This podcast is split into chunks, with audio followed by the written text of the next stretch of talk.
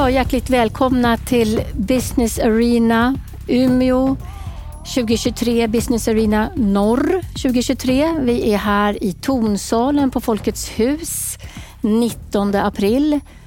Eh, I morse sken solen. Jag har inte varit ute på några timmar men jag tror den gör det fortfarande. Det är verkligen vår i luften. Jag har en jättefin panel med mig här. Eh, Lisa Karlsson, arkitekt och eh, för Krok och Tjäder. Du ska få berätta liksom, vad du verkligen vill att den här publiken ska få höra. Om en liten stund ska du få göra det. Roger Granberg, fastighetschef på Baltikgruppen. Eh, fastigheter här i Umeå. Mm. Gabriel Magnusson, analysansvarig på Merk Community. Välkommen också du. Tack och. Anders Jörnsköld, partner Newsec Stronghold Invest som tittar på eh, fastigheter bland annat. Då, Rådgivare, ja, förvaltare. råd, ja, förvaltning för fastigheter. Precis. Lisa, om vi börjar med dig. Eh, vad vill du ge den här lyssnarna? Vad är det viktigaste när vi tänker på ämnet som heter Kontoret när förändringens vind är över? Och jag ska också säga vad jag heter, jag heter Marika Grisel. Ja. Eh, Jag skulle nog vilja säga att förändringens vind är nog bara påbörjad. Eh, Så över är det nog inte än på länge. Pandemin är ju bara en del i det här. Så att eh, det som jag vill skicka med det är ju att, eh, att vi måste skapa kontorslokaler som faktiskt tål förändring utan större ombyggnad, generalitet och flexibilitet. För att vi kommer ju se, det kommer hända mycket. Den digitala utvecklingen under pandemin var ju tog ju väldigt stora steg, men det kommer ju ytterligare här nu. Nu kommer AI och det kommer, så att vi kommer ju se hur det förändras här och där kommer ju kontoren och behoven på kontoren också förändras över tid. Mm. Och människors eh, önskan att vara eller inte vara på kontoret. Eh, du, Roger, du kan väl fortsätta. Hur ser det ut hos er? Vad vill du ge den här, panel, eh, den här publiken? Ja, men jag skulle nog vilja börja från en annan infallsvinkel. Jag tänker att vi måste få långsiktigt hållbara incitament att bygga bostäder för att inte minska risken för att nyproduktionen av just kontor eh, Eh, kommer i kölvattnet för att det inte finns eh, bostäder till kontorshusgästerna. Så att vi ser att det är ett stort uppdämt behov egentligen på nya moderna kontor. Det är en, det är en, vi har en stor efterfrågan på alla våra nyproduktionsprojekt som går fantastiskt bra och eh, med mycket fokus på det är såklart hållbarhet men också att eh, det är kombinationen av att det, det verkligen finns bostäder för de som då etablerar kontor men också växer i Umeå. Så att, eh, jag har förmånen att jobba i en stad i, som Umeå som växer stadigt varje, varje år så att det är ju fantastiskt kul. Och Anders Jörnsköld, vad, vad, vad säger du? Vad, Jag skulle vilja lyfta fram, eh, precis som Fredrik Reinfeldt lyfte fram polariseringen i världen. Vi har gått från globalisering till polarisering. Skulle jag vilja lyfta fram att vi befinner oss där nu också när det gäller kontoret. Vi har å ena sidan ett läge som eh, verkligen tycker att vi ska vara tillbaks på kontoret. Och å andra sidan har vi ett läge som tycker att eh, eh, hybridkontoret är här för att stanna. Eh, och det är ju faktiskt så tydligt att till och med McKinsey de går ut och säger och gjorde väldigt tydligt under pandemin att produktivitet och lojalitet ökar om man har ett hybridkontor. Medan BCG då går ut väldigt bryskt, Boston Consulting Group som är den andra världsledande managementkonsultbyrån och säger att vi kommer att tappa i internationell konkurrenskraft om vi fortsätter att låta medarbetarna jobba för mycket hemma. Och där någonstans befinner sig just nu de stora liksom, eh, debatterna och parterna varandra. Så du har å ena sidan techbolag som helt överger kontoret och har å andra sidan globala stora till exempel retailbolag som kräver att alla ska vara tillbaks nästan på heltid, såsom H&M och andra. Eh, och den kampen pågår. Så att jag har väldigt svårt att säga vartåt den generella hållet går, förutom det Lisa sa med flexibilitet och en viss ytminskning. Men det är inte glasklart om det blir hemarbete eller kontorsarbete som, som vinner i längden. och Gabriel, det här är någonting som ni följer ganska noga, eller hur? Och frågar människor, människor som ska arbeta på kontoret eller hemma vid eller både och. Abs- Hur absolut. ser det ut? Vad får ni fram? Vi frågar framförallt den yngre publiken, eh, de yngre talangerna. Eh, Vi har ett nätverk av 700 eh, unga talanger idag som vi har undersökningar på. Och där har vi dels gjort en eh, undersökning på kontorsmiljö. Då. Eh, Så att, eh, men också undersöka den här, hur kan man attrahera ung arbetskraft, talangfull arbetskraft med rätt kontor? Och är det en viktig aspekt? Eh, Så vad är din spaning? Vad är det du vill förmedla här till hur, hur man bör utforma kontoret egentligen. Och som ni nämnde tidigare, det här med hybrid eller kontor. Eh, kommer lite på det senare tänker jag. Mm. Men hur vill de unga arbeta? Och hur attraherar man? Hur får man ut det bästa? Hur kompetensutvecklar man personal? Och framförallt yngre medarbetare som behöver kanske lite mer guidning och få lära sig lite mer egentligen i sin tidiga karriär. För det är också ett viktigt verktyg som en arbetsgivare att kunna erbjuda en kompetensutveckling. Vi ser att våra medlemmar nästan tar kompetensutvecklingen lika viktigt som lönen. Man vill utvecklas. Jag, jag, har en sån direkt fråga, för mm. jag tänker ibland när jag pratar med, med, eh, mina ungdomar. Alltså jag har förmånen att ha halvtidskontoret ute i, i naturen, tycker jag är jättebra. Annars mm. sitter jag på ett kontor där det finns medarbetare. Men jag tror många tycker också att kontoret ska vara lite hippt, det ska vara ballt, det ska vara multifunktionellt. Man ska kunna ha många olika typer av möten mm. och kanske inte vara där hela tiden. Vad, vad, vad får du för vibbar där när jag säger det? När vi har gjort den undersökningen så har resultatet kommit fram till att många unga talanger vill ha en till två dagar hemma. Behöver inte vara hemma, det kan vara, vi säger hybrid egentligen.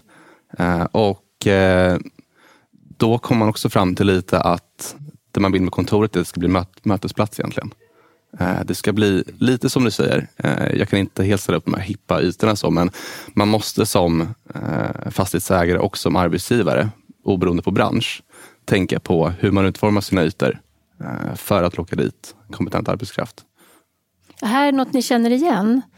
Oh ja. Mm. Så det, eh, det, är må, många arbetsgivare som alltså har den utmaningen och många arbetsgivare erbjuder just, vi kallar det för 3-2, just att tre på jobbet, två på kontoret, men att de möjliggör att man har väldigt attraktiva kontor för att egentligen locka in medarbetare. Förklara ut ett arbetsgivarperspektiv och ett socialt perspektiv så mår ju vi människor bättre av att mötas sen kanske vara på, framförallt hemma i hemmiljö, kanske det, det sämsta alternativet av hybriden. Så att sitter man i en miljö som ute på stan på Espresso House eller liknande så är det, det kanske är bra nog utifrån den aspekten. Men absolut så behövs attraktiva kontor, det är jag helt övertygad om.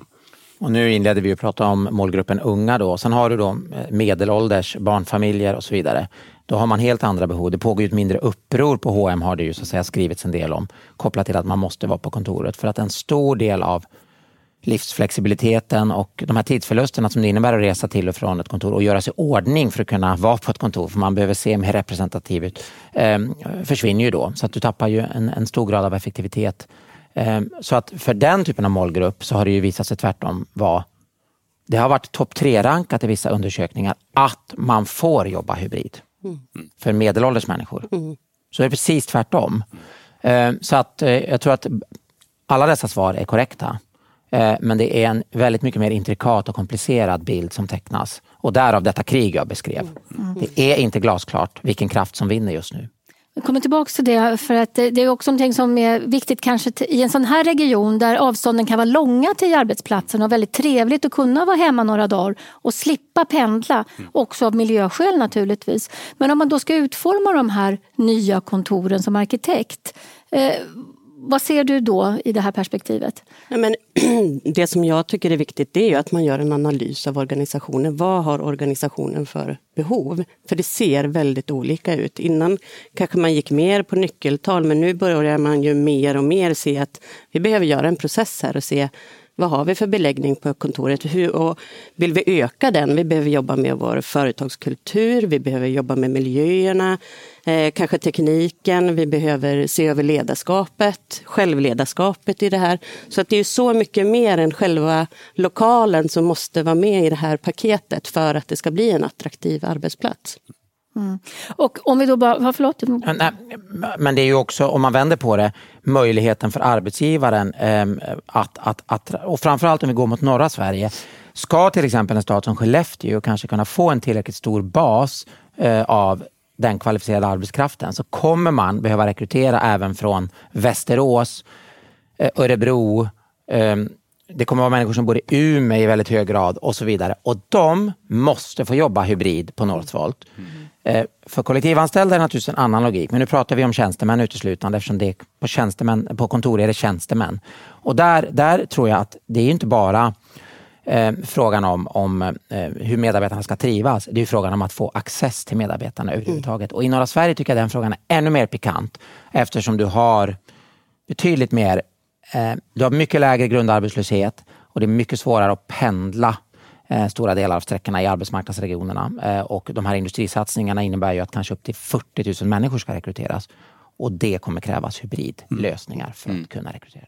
Mm. Om vi zoomar in mot oss, där vi är nu. Så du beskriver det här lite grann som en, en, ett krig som pågår mellan de här två olika ytterligheterna. Man så ska Men säga. också ett krig om talangerna då, som mm. måste vinnas. Och då är hybrid ett verktyg. Mm. Och, och, och, då tänker jag, för som en arbetsgivare, hur attraktivt är det då om du kan erbjuda möjligheten att jobba hybrid, du kanske är två dagar hemma, tre dagar på kontor och så vidare. När det gäller då saker som återvinning, miljötänk, att vi inte ska köpa nytt hela tiden. Vad säger era undersökningar där? Jag är mest kanske inne på den frågan då om en sån enkel grej som eh, arbetsförsäkring eh, till exempel. Hur funkar det om man jobbar hemifrån? Eh, de har man kommit rätt långt i den frågan också. Men det finns fortfarande hål i den som, som kan skapa problem läste något sånt exempel egentligen som att om du snubblar på din datorsladd så täcker den. Men om du går och gör kaffe och, och snubblar då, då täcker den inte. Om du är hemma? Då. Om jag är hemma, hemma precis. Mm, mm. Så att eh, ett sånt litet problem som ändå kan skapa irritationer tror jag. Och sen också med de här kontors... Man måste erbjudas kontorsmaterial, ergonomiska stolar eh, och så vidare. Och sen så måste bolag kunna motivera att de faktiskt kan köpa in det till hemmet, hem till folk. Man måste kunna garantera att man har en säker arbetsmiljö när man jobbar hemifrån också. Och, och finns det en förståelse då hos arbetsgivare, tycker du, nu? Börjar, börjar den förståelsen komma? Det, jag har lite svårt att svara på det faktiskt. Är det någon här som vet? Ja, förståelse finns ju med det och jag menar, vi, vi är ju väl medvetna om att vi har arbetsmiljöansvaret i, även om personen jobbar hemma och det är klart det är ju en jätteutmaning att, att för i teorin så skulle vi tvingas kanske göra en skyddsdran hemma hos någon, men det, det är ju ingen som gör. Nej. Så att, eh, absolut så är ju arbetsmiljön blir ju en, en viktig aspekt i det hela. Just att, jag tror att många av oss känner igen i början av pandemin att vi satt hemma vid köksbordet och hade efter två, tre veckor hade vi träsmak i arslet och inte, alltså, tills vi insåg att det här kommer bli långvarigt innan vi riggade hemmiljön utifrån egentligen mer ergonomiskt perspektiv. Men om man tänker lean och eh, liksom hållbarhet och så vidare så är det, finns det vissa saker som är så tydliga med att hybridarbetssättet ger stora fördelar. Alltså att göra sig i ordning varje morgon eh, tar en timme. Att, att resa tar ofta en timme sen och så ska du tillbaka en timme. Det är tre timmar mer eller mindre improduktiv tid som dessutom har ganska stora CO2-avtryck. Mm. Duscha är bedrövligt till exempel. Kan du göra det varannan dag så är det så mycket bättre. Mm. Det gör man nog mycket mer om man jobbar hemifrån. um, och resa är ju självklart mm. att det blir ett CO2-avtryck på. Men du får ju också hela den där sociala hållbarheten. Det är ju waste-tid, mer eller mm. mindre. Mm. Alltså att åka tunnelbana, det finns, gör ju ingen människa lycklig. Och åka buss eller vad man nu gör blir inte heller folk så lyckliga av. Alltså det är en ganska improduktiv tid för människan mm. som vi egentligen inte återfår. Som egentligen bara är till för att förflytta oss för att kunna skapa värde. Mm. För det är först när vi då kommer fram som vi verkligen gör det. Mm. Sen kan du naturligtvis jobba lite. Sen när det gäller återbruk så upplever jag att det går, nu byter jag lite ämne ja, för du ställde det i din fråga, så upplever jag att det går från att vara en liten nisch till att bli det nya normala. Mm. Eh, vi som jobbar väldigt mycket med PropTech har bland annat uppmärksammat ett bolag som heter Cycla som, som eh, är grundat i en annan innovativ region, Skövde Business Park. Eh, och då kartlägger man egentligen alla sina möbler som man har på ett bolag och kan jobba med dem aktivt som man gör med vilket lager och, och förnödenhetsinventarier som helst. Och istället för att bara så fort man ska göra en förändring på kontoret köpa nya möbler, ja du vet hur det är mm. så har man en rekondkedja för att istället uppgradera de möbler man har. Precis. Och den det, typen av tjänster har ju ökat lavinartat just, just för att kunna uppcykla. Och... Tänker man på hur absurt det är att kasta möbler, det är som att man skulle kasta bilen när man är klar med den. Men man säljer ju bilen till någon annan. Mm. Eh, förutom i allra, allra sista skedet när det verkligen är uttjänt. Men i övrigt så jag vet hur vi historiskt har behandlat kontorsmöbler. Så fort man ska köpa nya, då är de gamla som, vad gör vi av skräpet? Kinnarpsmöbler som har kostat 10-15 000 kronor stycket. Så att det här, här håller det på att ske någonting från det lilla mest innovativa till det normaliserade skulle jag säga att återbruk håller på att bli. Och det är också en jättebra utveckling. Precis, då ser man också så här, det du pratar om med unga, hur blir man attraktiv arbetsgivare, hur, hur rekryterar man talanger? Då är det här en jättefråga just med företagskultur och värderingar. Hur mm. hanterar man de här frågorna? Vilken typ av byggnad sitter man i med sitt kontor och hur hanterar man inventarier och, och så vidare. och Så vidare. Så det är ju en jättefråga ur, ur mm. den aspekten också. Får ni den typen av, av uppdrag där du faktiskt ska också tänka in när man då tänker nytt kontor, återbruk? Ja, ja absolut. Mm. absolut. Vad är Alltså, det jag skulle säga att det är en hygienfaktor idag nästan. normala. Ja, ja, ja, absolut. Ja, men, eller hur? Ja. Nu är det normaliserat. Ja, ja. Och hyresgästerna ställer ju väldigt höga krav på just hållbarhet och helst miljöbyggnad, alltså på den högsta nivån. Alltså det, är ju, det har ju hänt någonting.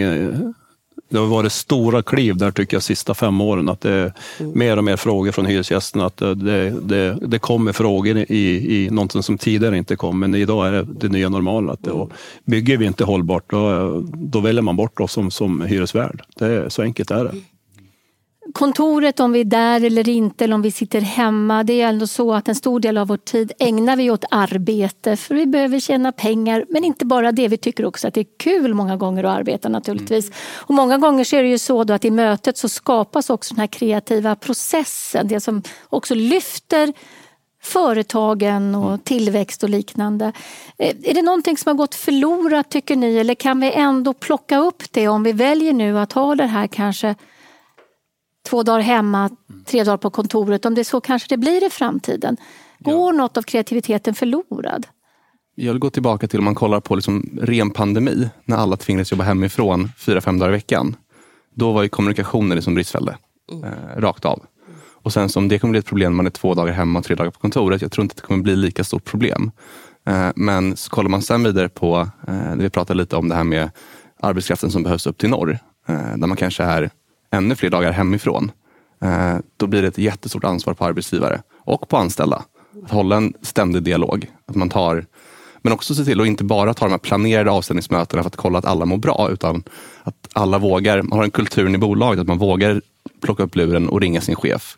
Eh, och egentligen bara pra, prata vardag. Så. För det är de mötena man får eh, Som man på, gör vid på kaffe, kontoret. Ja, till men precis. Och de tror jag kan vara svåra att få till oavsett. Men Nej, men och det är det jag är lite inne på, just det här med ledarskapet. Mm. Hur den, det behöver liksom, man behöver se en förändring där och att självledarskap blir så viktigt. Vi brukar säga så här, självledarskap gör du inte själv utan det gör du tillsammans med ditt team, din närmsta chef och så vidare. Just för att kunna ha de här dialogerna och också då kunna Mm. eh, att du, de behov du har för att kunna utföra ditt arbete tillgodoses. Hur ser ni på det, det här med kreativiteten och alltså, på ert kontor? Nej, men alltså det är ju, om man tittar på vårt kontor, det är ju, det är ju klart, vi, även fast vi kör 3-2 så är det ju väldigt många som är på kontoret. Och just av det, det skälet att vi har sån...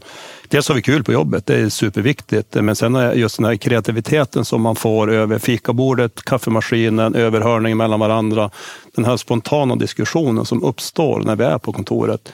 Den går vi ju tyvärr miste om i, i hemmiljön, för det är ju otroligt stort ansvar som läggs på, på den enskilde att just ta initiativet att ringa det här samtalet eller ringa upp någon på Teams. Eller hur får man de här tre, fyra personerna som sitter och diskuterar i fikarummet kring olika möjliga strategiska vägval eller eh, planritningar etc. Att, att, och det är hyresgästfrågor och det är någon som funderar kring någon detalj i något avtal. Den barriären blir ju större när vi sitter hemma. Eh, sen kan jag dra ett, ett exempel, Anders var inne på lite hur, hur eh, ett IT-bolag här i Umeå, eh, de gick hem 100 procent eh, under pandemin. De hade genom alla år legat någonstans 66-67 procent i debiteringsgrad. När alla satt hemma, då låg de på 72. Den kontorschefen sa, alltså ska jag tvinga tillbaka min personal och sänka lönsamheten till, eller debiteringsgraden till, till 67. Alltså jag, jag är jättekluven hur jag ska göra och agera. Men de landade ändå i någon form av 3-2 lösning. Sen om debiteringsgraden hamnade på 70 efter det, det vet jag inte. Men alltså det är ju ändå att- en aspekt att ta med det här. För vissa verksamheter, om du sitter som IT-konsult, du kanske är arkitekt, du sitter och programmerar, du behöver kanske inte så mycket kollegor, utan du sitter bara och knackar kod. Eh, Medan andra verksamheter, där behöver vi de här sociala delarna, men de kan ju ha också gått miste om saker som vi inte vet. Mm. Roger är inne på väldigt viktiga exempel här. För ur ett strikt ekonomiskt perspektiv, tänk om industrin först skulle flytta alla komponenter så här. Det är egentligen det vi gör när vi flyttar oss till och från jobbet. Så här. Vi flyttar dem lite så här i några timmar och sen sätter vi ihop dem. Mm. Det är det vi gör när vi håller på och flyttar oss rent fysiskt. Det är, det är som sagt improduktiv mm. tid som de istället kunde öka debiteringsgraden på.